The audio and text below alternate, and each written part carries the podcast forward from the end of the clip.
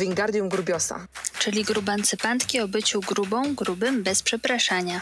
Wingardium Grubiosa to ciało pozytywny podcast, którego brakowało Ci w słuchawkach. Pierwsza polska audycja o grubości i innych wstydach, dzięki której zobaczysz społeczno-polityczny kontekst życia w grubym ciele w zupełnie nowym świetle. rozmawiają Ula, czyli Galanta Lala, i Natalia, czyli Nataszeks. No cześć, witamy w nowym odcinku e, podcastu Wingardium Grubiosa i dzisiaj odcinek, który dla nas samych był poniekąd niespodzianką. Nie planowałyśmy go w pierwszym sezonie, ale miało w ostatnim czasie w Polsce dosyć, e, miejsce dosyć duże i ważne dla nas wydarzenie i tym wydarzeniem jest e, opublikowanie, wydanie książki Głód Roxane Gay w polskiej wersji językowej. I to jest nie lada uczta i dzisiaj sobie na ten temat porozmawiamy. Tak, i chciałbyśmy też zaznaczyć na początku, że nasza rozmowa będzie w zasadzie dotyczyła tej warstwy tematu grubości, którą porusza ten, ta książka, dlatego że książkę można jeszcze analizować e, w sposób feministyczny, w kontekście przemocy i tak dalej. My będziemy oczywiście się odnosić do różnych rzeczy, ale jednak centrum tej rozmowy będzie ujęcie grubego ciała w literaturze. No i tak jak sobie rozmawiałyśmy na bieżąco, jak wiedziałyśmy, że ta książka wyjdzie i czekałyśmy na nią z niecierpliwością, to też e, zdałyśmy sobie troszkę sprawę, że my za bardzo tej Roxane Gay nie znamy, jeśli chodzi o jej wcześniejsze, większe dzieła, tak bym to ujęła. E, ja oglądałam kiedyś jej TED Talka, bardzo mi się podobało podejście Roxanne y, do feminizmu, do tego, że to, co ona mówi, nie należy tego traktować uniwersalnie, bo to są jej opinie. To jest dla mnie jakieś takie bardzo ważne w ruchu, w jakichkolwiek ruchach społecznych, szczerze mówiąc. Ale warto chociaż parę słów o niej powiedzieć na, na początku tego odcinka. Więc Roxane Gay jest pisarką, eseistką, wykładowczynią, felietonistką New York Timesa, zdaje się, yy, jeszcze. I jest taką dużą personą na Twitterze także. Jest twórczynią internetową, można powiedzieć. Jest osobą o tożsamości haitańsko-amerykańskiej i osobą queerową. Dostępnych jest też całkiem sporo esejów Roxanne na różne tematy. I z tymi esejami, z kilkoma z nich miałam wcześniej do czynienia, a ponadto jeśli chodzi o, o moje relacje z Roxane Gay, to jest dostępny na platformie Masterclass e, całkiem niezły kurs e, Writing for Social Change, czyli pisanie dla zmiany społecznej, który e, prowadzi Roxane Gay i jest to kurs, dla którego wykupiłam dostęp do tej platformy i nie zawiodłam się. Absolutnie. Także jeżeli, jeżeli to Was interesuje, jeżeli chcecie się uczyć, pogłębić swoją wiedzę na ten temat, to mm, warto tam zajrzeć.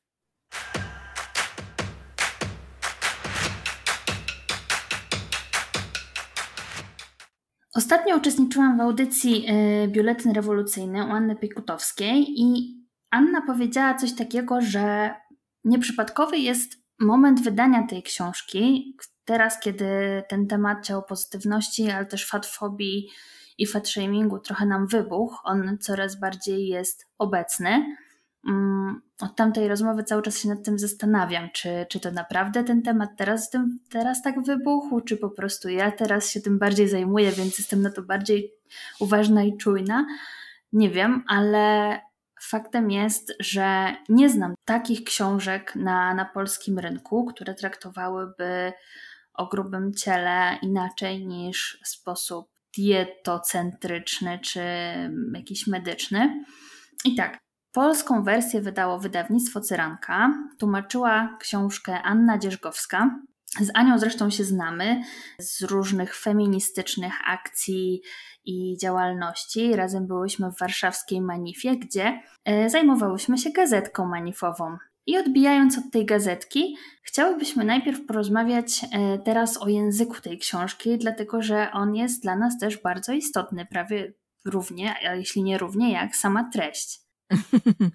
No, z, e, z głodem i językiem to w ogóle było tak, że jak dowiedziałam się o tym, że ta książka będzie pojawiała się w polskiej wersji językowej, bo w, wersji, w angielskiej wersji językowej mam ją na Kindle mniej więcej od roku, jeszcze nie udało mi się do niej dokopać, ale jak dowiedziałam się, że będzie w polskiej wersji językowej, to Pierwsza moja obawa, jaka się w ogóle pojawiła, to była obawa o język. O to, w jaki sposób e, będziemy od teraz mówić w Polsce o grubych ciałach, no bo wiemy, nie? No, rozmawiałyśmy sobie we wcześniejszych odcinkach o tym, że, że nasz polski język w kontekście ciała jest jest bardzo ubogi i e, niestety często to, co mamy w ogóle, to, co, te, te dostępne środki, one też są często bardzo takie opresyjne i przemocowe, że, że język nam służy do, do dyscyplinowania ciała, czyli jest dokładnie nie taki, jaki jest potrzebny do tego, żeby o ciele mówić i, i na ciało patrzeć w taki sposób, w jaki e, o ciele mówi i patrzy na nie Roxane Gay. Tak, właściwie jaki to jest sposób? Dla mnie y, fantastyczne było to, że ona, przynajmniej z mojej perspektywy, mówi z takiej pozycji autentyczności. Mam poczucie, że nie próbuje się wpisać w jakiś dyskurs, czy y, nie próbuje mówić językiem specjalistycznym, chociaż mogłaby na przykład o traumie i przemocy, czy też aktywistyczny, chociaż aż się o to prosi, kiedy pisze się o grubości, punktuje się, jak grube ciała traktuje społeczeństwo. Więc mimo tego, że porusza właśnie bardzo takie rzeczy, które, z których bardzo łatwo zrobić jakieś sentymentalne pomniki, to mówi o tym w bardzo taki prosty sposób i szczery. Mi się podobało bardzo, jeśli chodzi o warstwę językową, też, że ona powtarza niektóre, niektóre frazy, że się powtarzają i nadają taką strukturę. Na przykład to jej doświadczenie, doświadczenie gwałtu zbiorowego w wieku 12 lat, to jest przez całą książkę mam, tak, mam takie poczucie, że co jakiś czas po prostu te rozdział, rozdziałiki, które są krótkie, co też ułatwia czytanie, jest ich dużo i są krótkie, i one dość często zaczynają się właśnie od takiej frazy, jakby zbiera, zabierającej nas do punktu wyjścia, tak? Miałam 12 lat, stało mi się coś. I to coś sprawiło, że teraz jest tak, jak jest. Nie wiem, czy ty jakoś tak podobnie odczułaś rytm tej książki? Tak, no w ogóle język, e, język gay jest taki dość specyficzny, bo ona posługuje się językiem, który jest niebywale prosty, a przekazuje nim takie treści, które wywołują bardzo takie żywiołowe reakcje i odczucia. E, I że ten nie, ja mam takie poczucie, że ten taki nieprzeintelektualizowany język, który moim zdaniem Dzierżgowskiej się udało przerzucić totalnie, bo, bo, tak, bo Głód też jest napisany prostymi słowami po polsku że on sprawia, że to wszystko jest jeszcze, jeszcze bardziej obnażone i jeszcze, e, jeszcze trudniejsze przez to też trochę, bo nie ma tego takiego dystansu, nie jest to zapakowane w ten taki właśnie papierek nomenklatury jakiejś e, fachowej, e, w jakiś żargon, że to jest taki język codzienny, którym posługują się normalni ludzie i po prostu jakby nie, nie jest to, przez to to doświadczenie nie jest od nas odsunięte. Nie wiem, czy, czy wiecie o co mi chodzi, że, że, to, że jest tak bardzo blisko takiej naszej codzienności i blisko naszej normalności, że, e, że jest przez to jeszcze bardziej bolesne, że, że nie jest zmedykalizowane, nie? Tutaj się nie, mm, nie, mu, nie ma mowy o ciele w kategoriach takich czysto medycznych, chyba że rzeczywiście są to rozdziały dotyczące jakichś tak, tam stricte medycznych kwestii, ale jakby nie ma takiego e, tego, tego co się próbuje często ro, robić w języku polskim, mówiąc o, o, ciele, czyli nie ma takiego medykalizowania.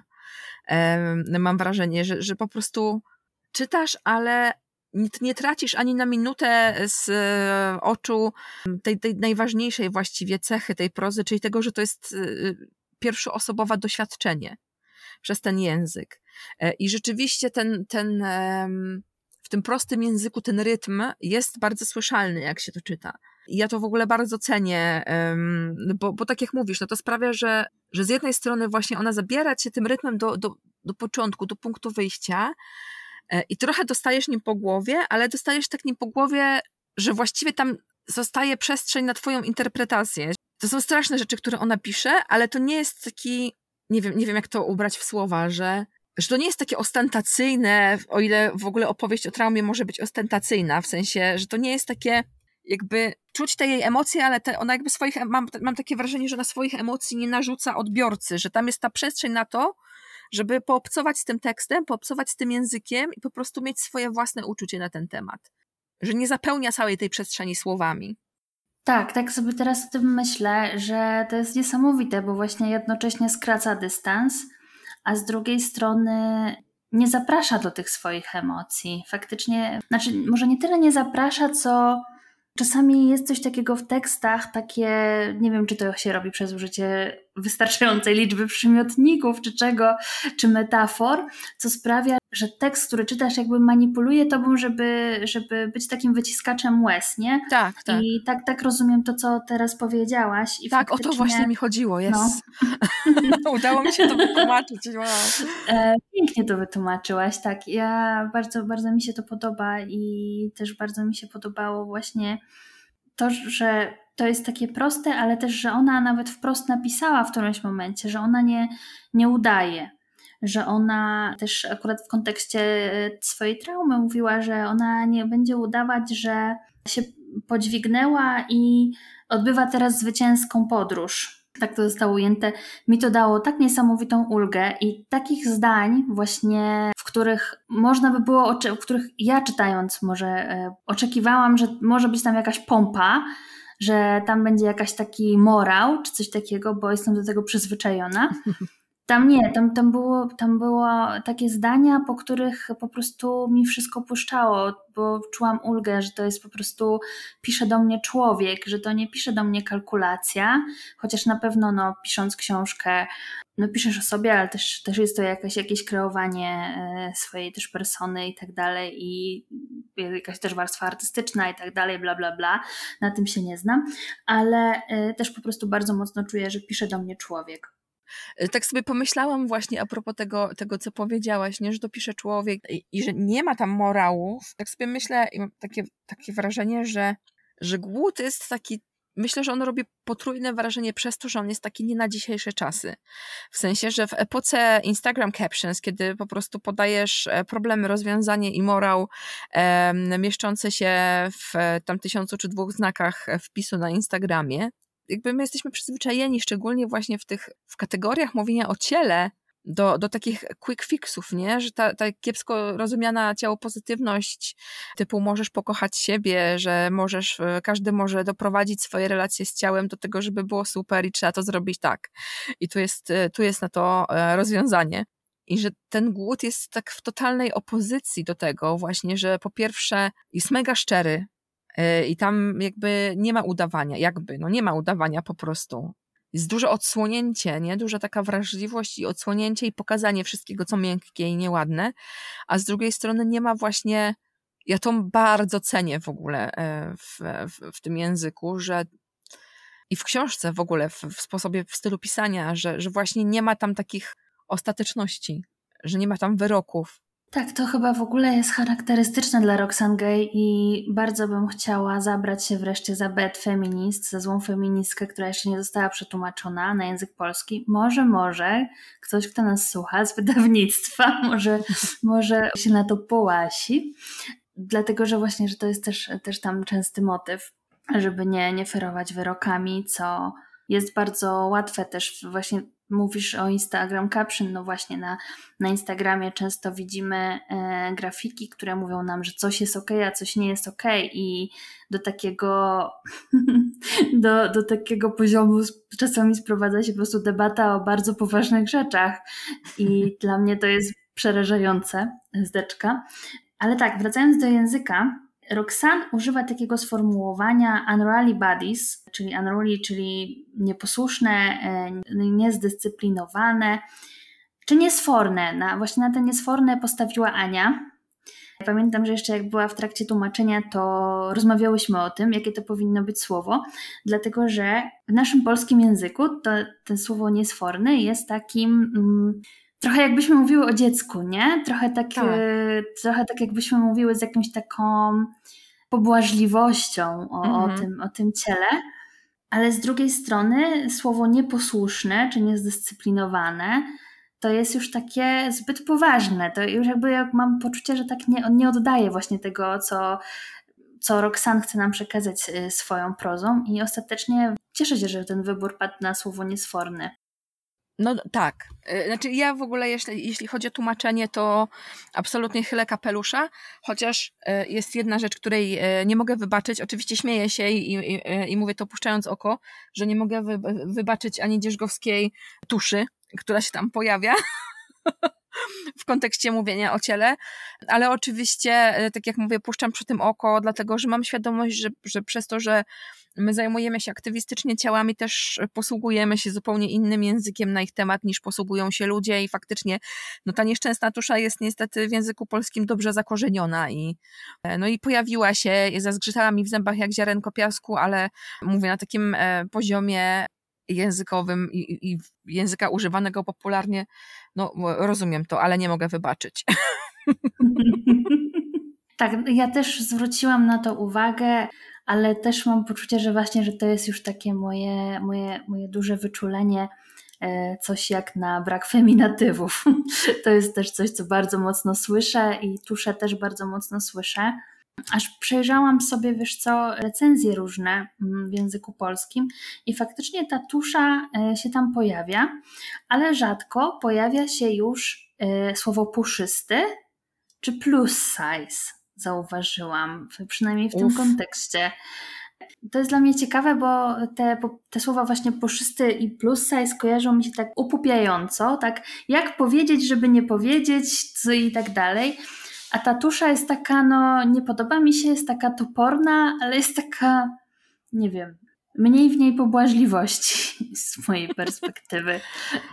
No, ale za to jest e, urzeźniczenie, nie? Zamiast upupienia. Tak, totalnie. Więc, coś za coś. Tak. No, Ja akurat e, no, z terminu plus size korzystam, ale rzeczywiście no, jest to kolejny termin angielski, tak? I, Mhm. no i faktycznie no, po polsku ciężko się pisze, myślę. e, I podejrzewam, że, że tłumaczenie w ogóle głodu na wielu poziomach musiało być ogromnym wyzwaniem e, i, i, i na poziomie właśnie kontaktu przez tak długi czas z, z właśnie z, z traumą i z e, trudnymi doświadczeniami, ale też na poziomie językowym, nie? No bo e, to jest właściwie to, to, to co, o czym mamy cały pierwszy odcinek podcastu, że nie ma języka do tego, żeby, żeby o tym mówić. I nawet mimo tego, że, że język, którego używa Roxane Gay jest językiem em, takim dość prostym, powiem, ale mam na myśli to, że, że nie przeintelektualizowanym, e, nie zmienia faktu, że nadal jest ta trudność, że trzeba to przełożyć na język, w którym się o ciele nie mówi prawie, nie? Ale zaczęłaś e, mówić o recenzjach, które pojawiają się w internecie i to jest w ogóle cały osobny, interesujący wątek.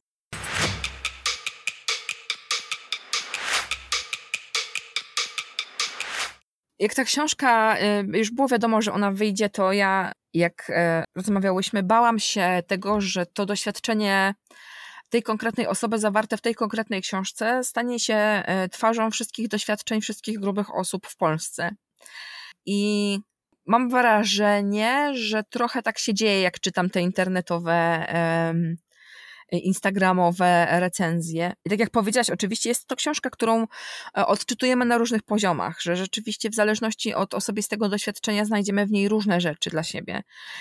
To jest też fajne, bo to, to jest takie po prostu też pokazuje, że starcie z takim obnaże, obnażeniem, obnażonym doświadczeniem człowieka i z taką dużą wrażliwością też e, jakby dużo nam pokazuje o nas samych, nie? Że trochę się przeglądamy w tym e, ze wszystkimi naszymi traumami, ze wszystkimi naszymi doświadczeniami, które przynosimy e, do stołu. No i kurczę, trochę mam wrażenie, jak czytam te recenzje, że, że no jest taka, taka tendencja, nie wiem, czy się ze mną zgodzisz, czy, te, czy też to widzisz, tendencja właśnie do takiego ukontekstualniania grubości w traumie, w sensie, że nadawanie takiej że coś tam musi być, że ktoś jest gruby, to zawsze coś tam musi być, nie? Że tam jest jakaś historia związana stricte z traumą, co nie jest prawdą, bo doświadczenie przecież grubości ma różne odcienie i różne tła i, yy, i to są różne historie. Tak, to pokazuje, że potrzebujemy więcej tych książek. E, po prostu więcej pisać, więcej doświadczeń. Ale tak, e, wracając, być może ja nie podzielałam tej obawy, ale też czytając zauważałam, że pojawia się coś takiego, że z nami, w sensie z grubymi osobami, można sympatyzować, gdy jesteśmy ofiarami, ale nie kiedy po prostu jesteśmy ludźmi. To musimy mieć jakieś usprawiedliwienie. Tak jak no właśnie pisała Roxane Gay w Głodzie, musimy mieć jakieś dlaczego naszego ciała, takie dlaczego w cudzysłowie. Jakieś Tak. takie wytłumaczenie, które, e, które druga głowa zrozumie i powie: Okej, no dobra, to już nie będę tym fatfobem takim, bo, bo tutaj się wydarzyły takie złe rzeczy. A jeśli chodzi jeszcze o recenzje, przyznam, że ja starałam się ich nie czytać. Dopiero przygotowując się do tego nagrania, mm, sobie je tak prze przejrzałam bardziej niż przeczytałam od deski do deski. A starałam się ich nie czytać głównie dlatego, że bałam się swojego gniewu, który czasami jest wielki. Mhm. Bałam się swojego gniewu po tym, jak po prostu osoby będą to odczytywać i e, w moim poczuciu przechadzać się po czymś dla mnie tak intymnym. I jakby nie mówię teraz tego z żalem do osób, że odczytują książkę w swój sposób. To jest okej. Okay. To jest jakby mój problem, że akurat ta książka porusza e, to połączenie doświadczenia przemocy seksualnej i grubości, które jest takim dla mnie bardzo bliskim doświadczeniem. I ja już kilka lat temu doszłam do wniosku, że moje e, przybieranie e, masy też ma korzenie w tym, mm, że bardzo bałam się mm, doświadczenia przemocy seksualnej i, i dlatego ta książka była dla mnie niesamowicie intymna i była, była pierwszym razem, kiedy mogłam spotkać się z tak szczerym i tak y, podobnym mm, opisaniem mechanizmu, który bardzo dobrze znam. I nawet jakieś miłe słowa, czy nawet jakieś takie merytoryczne uwagi wobec tej książki, wiedziałam, że mogę odbierać osobiście, dlatego tego unikałam. Ale y, myślę, że na przykład recenzja Emilii Durzewskiej, wyborczej, która zresztą rozmawiała z Roxane Gay y, przy okazji pisania tego tekstu, jest bardzo fajnym tekstem, do którego odsyłam, jeśli jesteście zainteresowane, zainteresowani przeczytaniem tej książki, zastanawiacie się, to można tam zajrzeć. A poza tym, jeszcze póki co nie znalazłam innej, e, równie fajnej recenzji. Widziałam za to, że niektórzy uważają, że to jest taka fajna lektura po pandemii, bo troszkę nam się wszystkim przytyło, więc to jest taki teraz problem. E, powiem, że to na przykład napisała osoba, która prowadzi Instagram zdaniem Shota. Tam już dużo osób y, wyjaśniało, edukowało w komentarzach, czemu tak nie powinno się pisać, więc też nie, nie będę się tutaj dodatkowo produkować. No właśnie, powiem ci, że, e, że podziwiam Twoją dojrzałość, że ze świadomością, że tak możesz na to reagować, się nie wdawałaś w te recenzje. Ja niestety, niestety e, przeczytałam kilka i, i tak, o której powiedziałaś na samym końcu swojej wypowiedzi, że to, że to jest idealny, idealny moment na taką lekturę, bo nam się wszystkim przytyło. Myślę, że to jest po prostu e, totalny dzbanizm, takie komentowanie e, takiej książki, która będzie tak ważna dla tylu osób w ten sposób. Dlatego, że to e, ja rozumiem, że to by było nawet, to, znaczy to inaczej, to by było dalej nie na miejscu, nawet gdyby to była książka o diecie, a jest to po stokroć nie na miejscu, kiedy jest to um, książka o tak intymnym doświadczeniu e, i książka, która jest zresztą e, tak bardzo ważna dla, e, dla wielu osób. Znaczy ja wiem, że my w kółko podkreślamy, w kółko powtarzamy te, ten zwrot, że to jest tak ważna książka, ale naprawdę nie ma takich książek, a już na pewno nie ma takich książek po polsku w paru miejscach, jak już tak zaczęłam przeszukiwać, co osoby piszą o tym głodzie, natknęłam się na słowo demony, że to są demony przeszłości.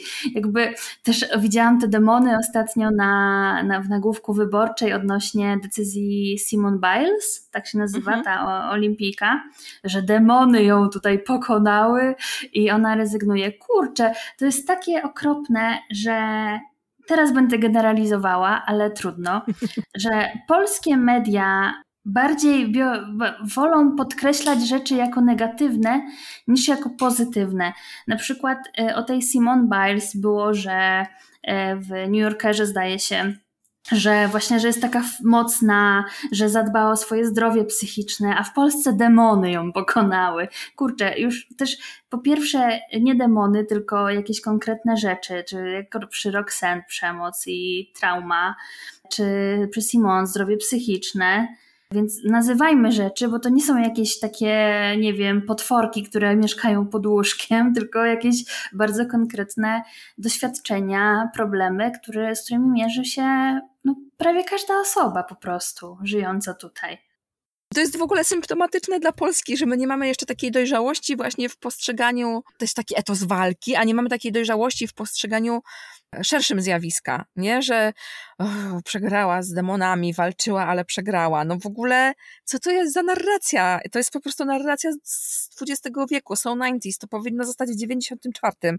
I to się w Polsce jeszcze nie zmieniło w, w tej narracji, ale mam nadzieję, że, że do tego kiedyś dojrzejemy, że naprawdę będziemy y, o zdrowiu psychicznym i różnych związa związanych z nim trudnościach e, mówić normalnie i nazywać je po imieniu, a nie po prostu, wiecie, no naprawdę już dajmy spokój temu Podkowińskiemu i nie przestajmy z tym szałem, bo nazywajmy to po imieniu, no. Mamy swoje emocje, mamy swoje trudności i, i, i rzeczywiście tak, no demony, kuźwa, demony.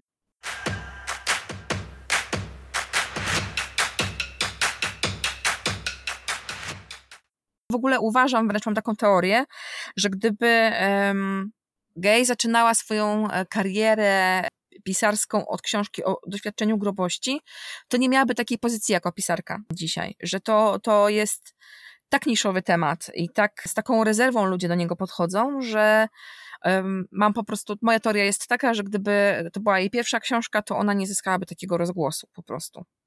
Że ludzi nie, nie interesuje to, co ich nie dotyczy i i to, że, że, że, ta książka jest tak szeroko dyskutowana i że rzeczywiście oglądamy ją na całym świecie z e, wielu stron i, i analizujemy ją, ją, na różne sposoby, że to no jest to związane moim zdaniem z tym właśnie, że, że gay jest już rozpoznaną pisarką i wiadomo, czego się po niej spodziewać, nie?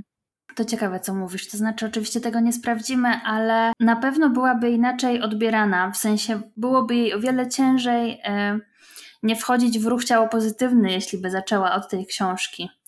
E, dlatego, że mam poczucie, że jak piszesz już o swoim ciele w jakiś sposób, to i zyskujesz widoczność na takim temacie, to bardzo ciężko jest w ogóle poruszać jakiekolwiek inne tematy, bo ludzi jak najbardziej interesuje tylko ten e, związany z ciałem, bo też bardzo łatwo go przerobić na jakieś popciało pozytywny bullshit. Tak, no i często jest też tak, no, obserwujemy to tak naprawdę na przykładzie bardzo wielu osób publicznych, które, e, bardzo wielu, no to mówię, jakby było strasznie dużo grubych ludzi w popkulturze na przykład, ale jakby łatwo to obserwować, bo to są te same mechanizmy, które po prostu w głowach ludzi i w tekstach z kolorowych magazynów robią aktywistki ciało pozytywności z Tess Holiday czy z Lizo trochę jest tak, że jest takie wyobrażenie, że jak jesteś gruba i jeszcze nie udajesz, że nie jesteś gruba, czyli w sensie jeszcze od czasu do czasu się odnosisz do tego, jak to twoje ciało wygląda, no to automatycznie po prostu jest z ciebie robiona mm, osoba, która jest aktywistką, a to nie jest tak, to nie jest prawda. I,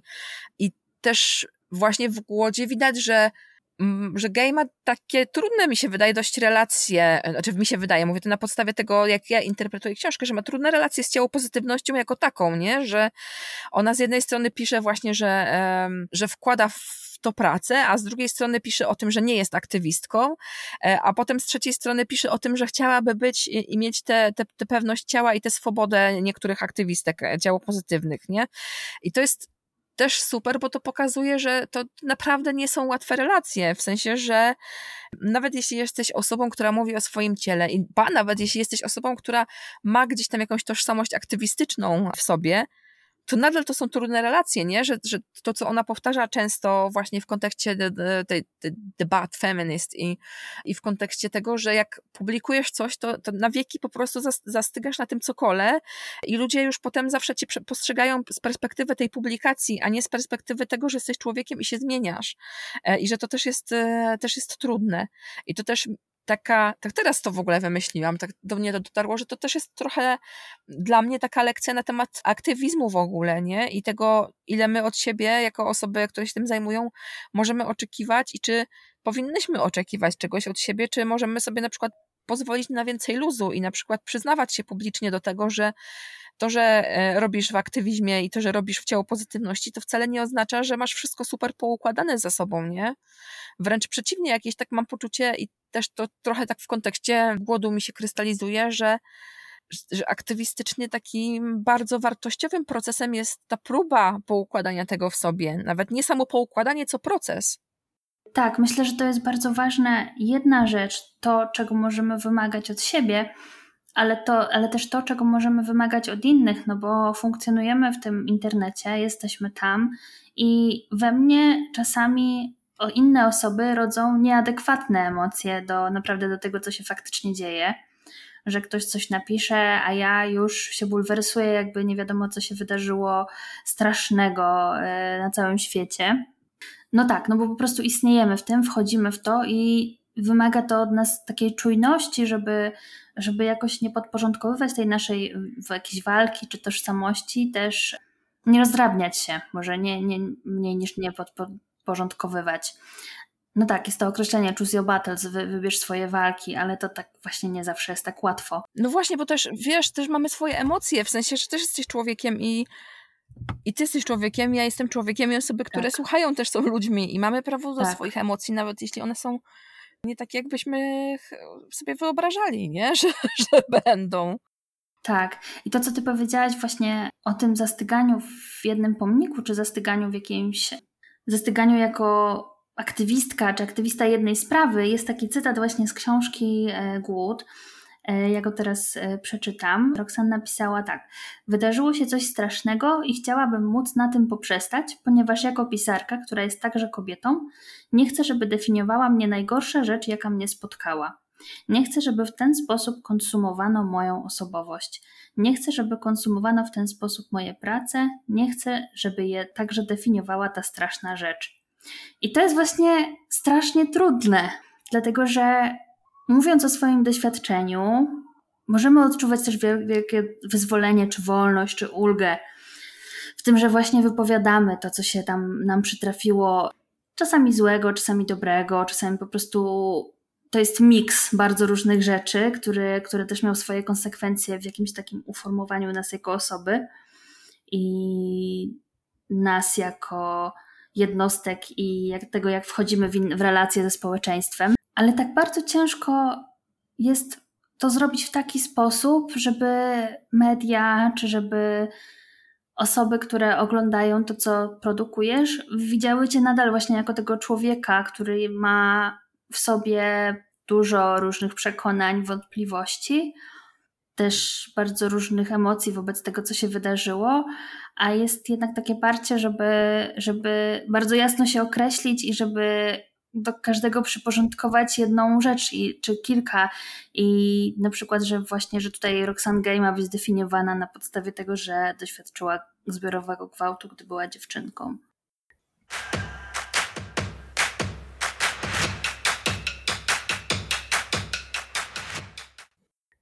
I trochę z naszej rozmowy może wynikać, jakby głód był wyłącznie o opisywaniu emocji i swojego doświadczenia, co oczywiście jest bardzo ważne, ale nie tylko o tym jest w tej książce, dlatego że Roxanne też opowiada o na przykład o elementach popkultury, czy jakichś lifestyle'owych, czy programach e, które chcą odchudzać ludzi. Wszystko oczywiście krąży wokół głównego tematu książki, ale właśnie porusza takie kwestie jak czy gruba osoba może chcieć sobie gotować z programem telewizyjnym i tak.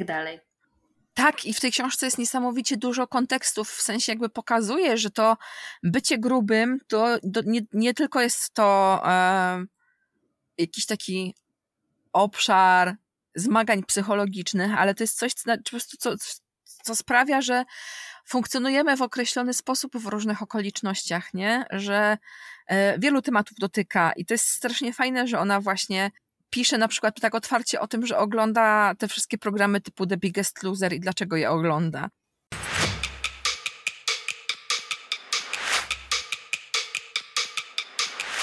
Jednym z aspektów, które mm, Gay porusza w tej książce, a który bardzo zwrócił moją uwagę, to jest też coś, co taka polityka przyjemności, co można nazwać polityką przyjemności, coś, co, co e, zaczyna się pojawiać czasami pod hasłem the pleasure activism i, i to jest o pozwalaniu sobie na różne przyjemności, na to, na to z czego rezygnujemy i czego się wyrzekamy w imię w sumie nie wiadomo czego. No jak jesteśmy grube, to w imię tego, że, e, że nam nie wypada różnych rzeczy robić. Czy jak jesteśmy kobietami, to nam różnych rzeczy nie wypada robić. Czy zawsze mamy jakieś, e, jakieś wymówki. I jest w tej książce też taki porażający fragment. Ja nie chcę też, żeby nam się zrobił z tego um, odcinka e-book, ale chciałabym ten fragment wam szybko przeczytać, żeby, żeby wytłumaczyć, o co mi chodzi, bo to jest taki fragment, który nie jest bardzo aktywistyczny, ale który mnie na wskroś poruszył.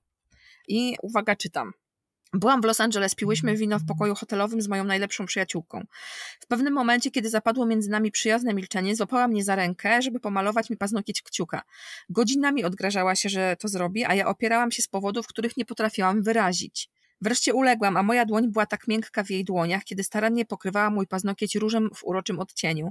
Dmuchnęła, poczekała, aż lakier wyschnie, dodała kolejną warstwę. Wieczór trwał. Przyglądałam się mojemu paznokciowi następnego dnia, kiedy siedziałam w samolocie mknącym na drugi koniec kraju. Nie potrafiłam sobie przypomnieć, kiedy ostatni raz pozwoliłam sobie na prostą przyjemność pomalowania paznokcia. Podobało mi się, jak wyglądał mój palec, zwłaszcza, że miałam długi, kształtny paznokieć i nie obgryzałam wcześniej skórek, jak mam w zwyczaju.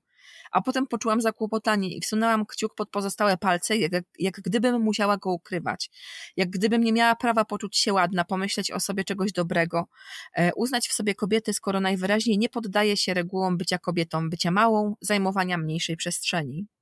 I to jest taki fragment, który mnie jeszcze teraz, jak go czytam, to mam gęsią skórkę. On mnie po prostu tak głęboko poruszył, że taka mała rzecz, właśnie jak, jak dyscyplinowanie siebie, że skoro nie spełniam jakichś tam wymogów, to nie mogę skorzystać z tego lakieru do paznokci. To jest, to jest tak niesamowite, w sensie, wiecie, ilu rzeczy my sobie odmawiamy, bo, nam, bo uważamy, że czegoś, że, że, że nie spełniamy jakichś standardów. Mam jeszcze jeden cytat na ten temat. Zanim wsiadłam do samolotu, przyjaciółka zaproponowała mi na drogę paczkę chipsów, ale odmówiłam ich sobie. Odparłam. Osoby takie jak ja nie jedzą podobnych rzeczy publicznie. I jest to jedna z najprawdziwszych rzeczy, jakie kiedykolwiek powiedziałam.